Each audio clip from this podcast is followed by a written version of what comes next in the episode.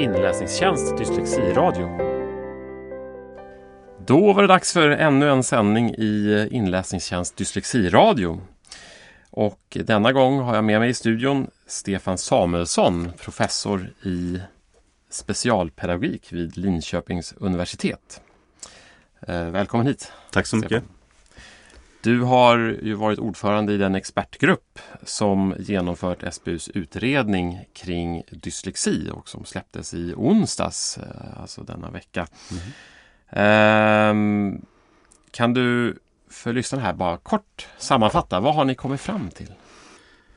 Ja, jag ska göra det så kort som möjligt, men det är man kan väl säga att det är tre huvudsakliga frågor som jag arbetat med i, ehm, i den här litteraturöversikten som det handlar om. Det första är att se om det finns metoder, tester, språkliga tester som kan användas för att ehm, för barn innan de börjar i skolan för att förutse, predicera vilka barn som löper risk att tidigt utveckla läs och skrivsvårigheter i skolan. Den andra frågan som kanske är den mest centrala frågan i den här rapporten är vilka insatser för barn som har utvecklat dyslektiska läs och skrivsvårigheter är det som har vetenskapligt stöd. Och eh, den tredje frågan eh, handlar om de tester som används både internationellt men också nationellt för att kartlägga och utreda dyslektiska läs och skrivsvårigheter och i vilken, vilken kvalitet de har och hur pass tillförlitliga de är att använda för det syftet. Okej. Okay. Och om man ändå hoppar på slutsatserna i lika korta drag, vad har ni kommit fram till? Ja, alltså vi har kommit fram till att eh, det, det finns tre stycken Eh, språkliga tester som, som har visat sig ha en viss möjlighet att förutse risk för att utveckla dyslexi. På låg nivå då, alltså på, i låg ålder? Ja, alltså det är tester då som administreras till barn innan skolstarten och till barn som ännu inte har lärt sig att läsa och skriva. Det, det är det de här eh, testerna syftar till. Och eh, lite enkelt kan man uttrycka att eh, det handlar om till exempel om barnens bokstavskännedom. Alltså kan barn bokstäver innan de har lärt sig att läsa? Och kanske framförallt bokstavsljud. Så att man inte bara vet att bokstaven, man känner till bokstaven P utan att man också vet att bokstaven P står för P. Det är språkljudet. Det är väldigt avgörande i den tidiga läsutvecklingen. Det andra är fonologisk förmåga, det vill säga att barn kan uppmärksamma hur språket är ljudmässigt uppbyggt. Det är också en viktig förutsättning för att få så att säga, småningom grepp om alfabetet. Och det tredje är lite mer komplext och lite mer svårförståeligt även för oss forskare. Men vi kallar det för RAN lite kort och det står för Rapid Automatized Naming. Och det handlar i grund och botten om hur snabb man är på att plocka fram sitt språk, att artikulera sitt språk. De tre testerna, var och en för sig men kanske framförallt tillsammans, har en viss möjlighet att förutse risk för dyslexi hos barn som ännu inte kan läsa. Eh, när det gäller insatser så har vi funnit att eh, det i huvudsak är, är säga, en metod som har vetenskapligt stöd och det, är, det handlar då om barn som efter ett, minst ett år i skolan visat sig ha dyslektiska läs och skrivsvårigheter och då har det visat sig att en metod som fokuserar på just den alfabetiska principen eller kopplingen mellan grafem, bokstav och språkljud. Och man gör det väldigt grundläggande, väldigt omsorgsfullt och gör uppgifterna svårare och svårare. Det är en, en pedagogisk metod som har visat sig vara gynnsam för elever med dyslexi. Alltså gynnsam med avseende att det, det har effekt på deras, effekt på, på deras läsutveckling. Ja. Eh, när det gäller testerna så har vi sett att eh, eh, om vi börjar med de internationella testerna så oftast är det ju stora testbatterier med många deltester. Och många av de här testerna har nog inte tillräckligt, har inte prövats tillräckligt vetenskapligt, men det finns vissa undantag.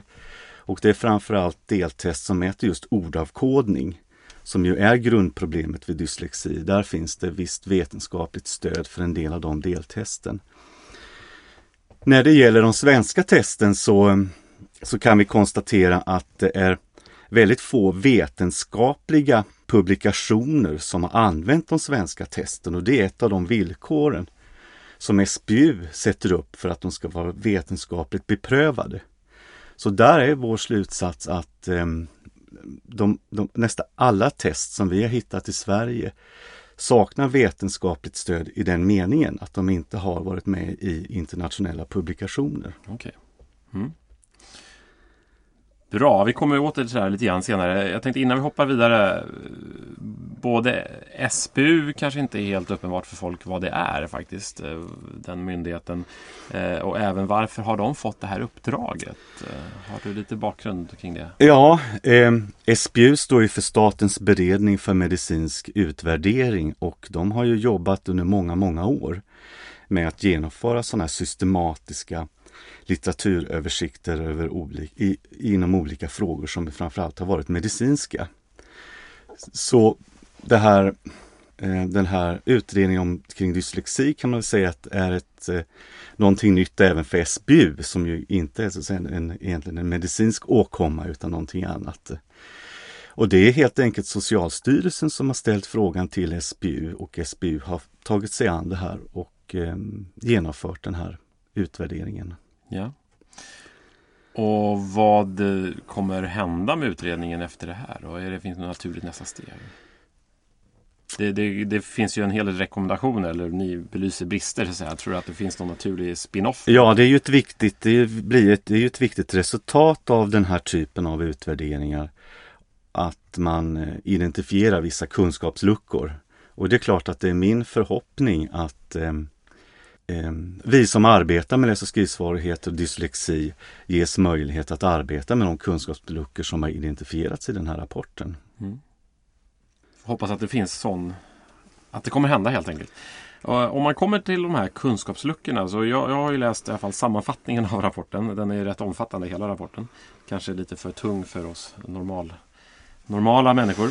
Men eh, en sak som jag hängde upp mig på mycket var att man eh, om och om igen i sammanfattningen åtminstone så kommer man tillbaka till det här att det saknar vetenskapligt stöd. Och när man läser den och, och jobbar med det här dagligen så, så kan man nästan känna att det eh, Oj, är vi så dåliga? Eller att det får en väldigt negativ klang. Eh, och någonstans kanske det känns som man glömmer bort så att säga, beprövad erfarenhet. Eller att det är ändå mycket av det jag tittar på som som används väldigt mycket ute i skolorna. Som många av de som jobbar med det här känner att det faktiskt fungerar. Både stärka, om man kommer till liksom kompensatoriska och alternativa hjälpmedel, stärka eleverna. Men också när det kommer till tester att man faktiskt eh, får en hel del ut av de här grejerna. Uh, har du några reflektioner här? För att är, är det en nattsvart bild ni målar upp eller är det faktiskt uh, kanske tvärtom? Jag skulle vilja börja med att säga att eh, eh, visst, det min personliga uppfattning är ju att visst finns det mycket beprövad erfarenhet som är värdefull eh, inom det här forskningsfältet. Men syftet med en sån här rapport det är just att, så att säga, ställa verkligen stränga krav på eh, vetenskaplighet och jag tycker i grund och botten att det är någonting positivt och det är kanske någonting inom inom så att säga, eh, skola, specialpedagogik, alla vi som arbetar med de här frågorna kanske oftare borde göra, ställa oss frågan hur ser det vetenskapliga ut bakom det här? Så ska man komma ihåg att SBUs, som jag sa alldeles nyss, krav på eh, vetenskap, den är väldigt högt ställd. Så mycket, det finns mycket bra forskning som inte kommer med i en sån här rapport. Men som ändå, så att säga, som ändå stödjer de slutsatser som vi kommer fram, som vi kommer fram till i den här rapporten. Men låt mig få ta kanske ett mer konkret exempel så, så vet jag att man har kanske funderat lite grann på vår slutsats om bland annat våra svenska tester. Och eh, när vi i rapporten säger att testerna saknar, vet, saknar vetenskapligt stöd så betyder det helt enkelt att de svenska testerna har inte använts i internationella vetenskapliga publikationer. Och det är därför man, vi kommer fram till den slutsatsen. Det betyder ju inte att det inte finns svenska test som är ganska bra och som har ganska hög grad av tillförlitlighet. Men det som det som saknas är ändå att testen utvärderas mer i vetenskapliga sammanhang och i vetenskapliga publikationer. Och personligen är jag övertygad om att vi har ett flertal svenska test som gör ett riktigt bra arbete. Mm. Ja, men det låter ju bra. Ja, absolut. Eh, positivt. Eh, så, så det är inte så nattsvart som jag först kände när jag läste det här. Eh, om vi hoppar in på det här med tester, för där utvecklar ni lite grann resonemang i, i sammanfattningen i alla fall om att eh, det, det, saknas liksom en, eh, vad kallar ni en golden... Ehm, eh, ett, ett, fundamentalt test som alla kan referera till så att säga. Eh, och att utan ett sådant test så vet man inte riktigt om testerna mäter det som avses. Eh, och då satt jag och funderade själv lite grann på jag, om man utvecklar tester och man har ju en teori om vad testen ska mäta men man har inte någon riktig, riktig är det det som är problemet? Man har inte riktigt koll på vad de faktiskt mäter och då är det faktiskt så att de kan mäta något annat än om eleven har just dyslexi. Alltså de kanske kan mäta allmän nedsatt läsförmåga.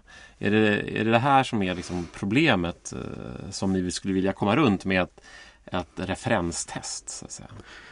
Det är helt riktigt att inom läs och skrivforskning och dyslexiforskning, både internationellt och nationellt, så, så finns det inte ett eller ett par stycken tester som, som man ser som referenstester att förhålla sig till när man utvecklar nya test till exempel eller att man vill pröva andra sätt att mäta läs och skriv eller stavningsförmåga. De här testen de mäter ju inte om man har dyslexi eller inte utan de mäter ju läs och stavningsförmåga framför allt. Mm. Och det är där det är viktigt att de är tillförlitliga. Jag kan konkretisera det hela eh, Genom att eh, alltså det, det, är inte alls ovanligt och det tror jag nog många eh, eh, håller med mig om som arbetar med, med den här gruppen av elever i svensk skola. Att man utreder läsförmåga till exempel. Då kanske man har två eller tre test som man använder ofta i sina utredningar. Då kan en och samma elev på ett test få ett resultat och samma elev på det andra testet få delvis annat resultat. Mm. Och det är klart att det kan ju ha betydelse för den bedömning man gör i den här utredningen och vilken slutsats man kommer fram till i den här utvärderingen. Och vilket av de här två eller tre testen är det då man ska lita på? Ja, precis. Nu är det ju inte så att man kan prestera svagt på det ena testet och riktigt bra på det andra testet. Så, så, så ser det inte ut. Utan, de inte nej, absolut inte. Nej. Utan visst finns det ett högt samband mellan de här resultaten. Men någonstans måste man ju ändå sätta gränser för när man anser att det här är dyslektiska läs och skrivsvårigheter. Och den gränsen är svår, kan vara svårare att identifiera om resultaten varierar mellan mm. olika test. Vad, vad, är konsekvensen om man vänder på om man, om man använder test eller om ett test visar fel? Att man liksom elever som, eller barn som inte har just den medicinska mm, funktionsnedsättning, dyslexi, men ändå är väldigt dåliga på, läs, på, på att läsa till exempel. Att de helt enkelt de får ett positivt utslag i testbatteriet. Men, if, men det är ändå felaktigt eh, resultat för att de har inte dyslexi. Men de behöver fortfarande den här hjälpen. Vad, vad, blir, vad blir konsekvensen av en sån feldiagnostisering? Ja, egentligen borde det, inte, borde det egentligen inte få någon konsekvens alls. Utan om det visar sig att man har läs och skrivsvårigheter, vare sig man får diagnosen dyslexi eller inte, så har ju alla elever i svensk skola rätt till stöd för sina läs och skrivsvårigheter. Så i praktiken ska det inte betyda någonting. Men innebär det att insatserna bör, är det så att insatserna bör vara olika då om, om det hade varit så att i det fall att det var dyslexi så bör man göra si och så. I det fall att det bara var en nedsatt läsförståelse på grund av andra orsaker så bör man göra något annat. Ja, det är viktigt att hålla isär. Det, det, problem, grundproblemet vid dyslexi det är att man har en osäker ordavkodning och kanske framförallt att man har svårt för att eh, automatisera sin ordavkodning så att man får inte upp en läshastighet eller läsflyt. Det är det som är grundproblemet vid dyslexi. Och var, o, oberoende av om det är dyslexi eller man, man inte så att säga, ställer diagnosen dyslexi, om problemet är ordavkodning så är det förstås en viss typ av insatser, en viss typ av metoder som man ska arbeta med. Men man, om man å andra sidan inte har några problem så att säga, som är karaktäristiska för dyslexi, det vill säga ordavkodning snarare ligger på läsförståelse och så vidare, då är det inte dyslexi. Och då är det ju också andra pedagogiska insatser som man måste tänka sig att arbeta med och ge eleverna stöd i mm. om vi pratar om läsförståelse, för det är delvis en annan sak. Ja, ja. Bra. Eh, en del av studien tittade också på alternativa verktyg, så jag tror ni använde det begreppet. Eh, där saknades det också, om jag förstod det rätt, en hel del, ja det fanns inte så mycket vetenskapliga studier som, som visade på vilken effekt det här har. Både på, jag misstänker, hur väl de kompenserar men också vilken effekt de har på elevernas motivation och så. Eh, fanns det några studier alls åt det här hållet eller var det, var det liksom ett stort, stort svart hål? Det finns eh, forskning på det här området som, vi, som kallas för alternativa verktyg eller kompenserande kompenserande verktyg.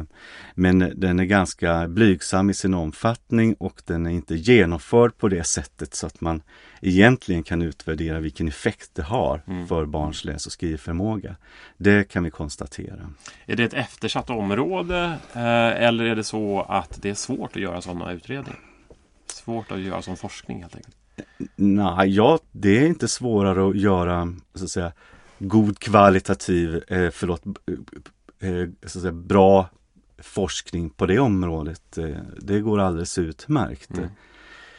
Eh, så det är väl snarare så att det är ett eftersatt område och jag tycker ju personligen att det är tråkigt att det är svårt att få så att säga, resurser för att genomföra den forskning kring de här metoderna, appar och vad det nu kan vara. Därför att det är onekligen någonting som har potential att vara betydelsefull för elever i svensk skola. Ja, ja.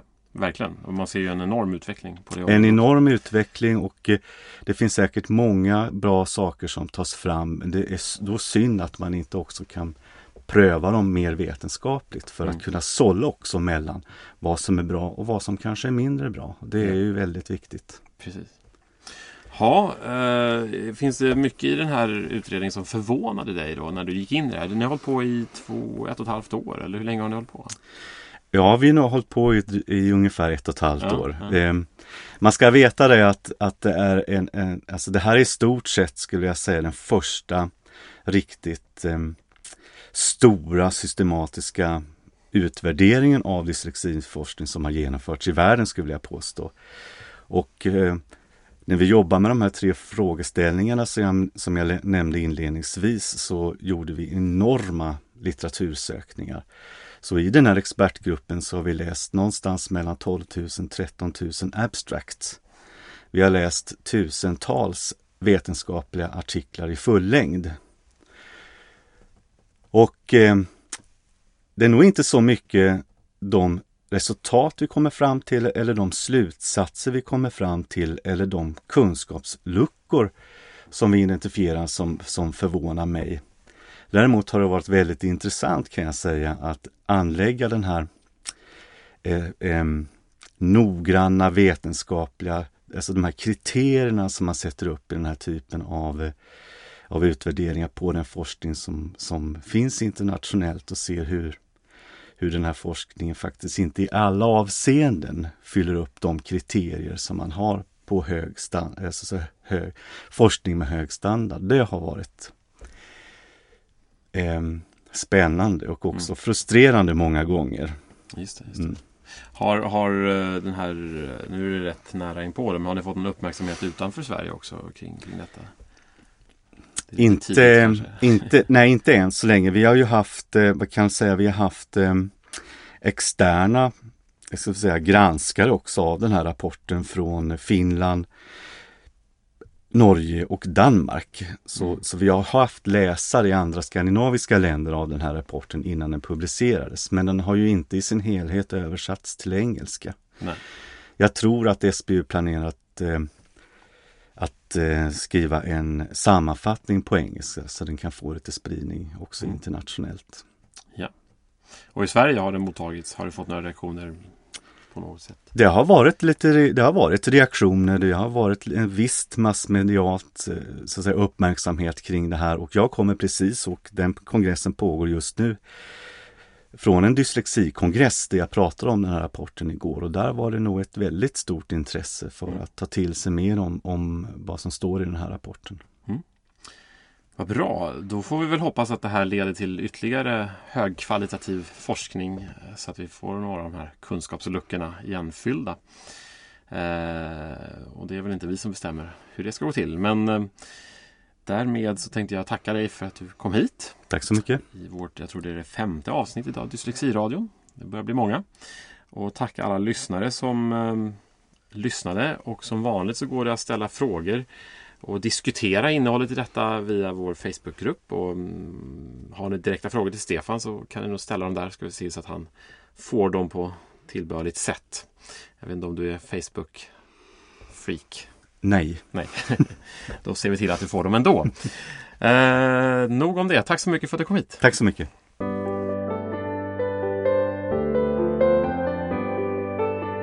Inläsningstjänst Dyslexiradio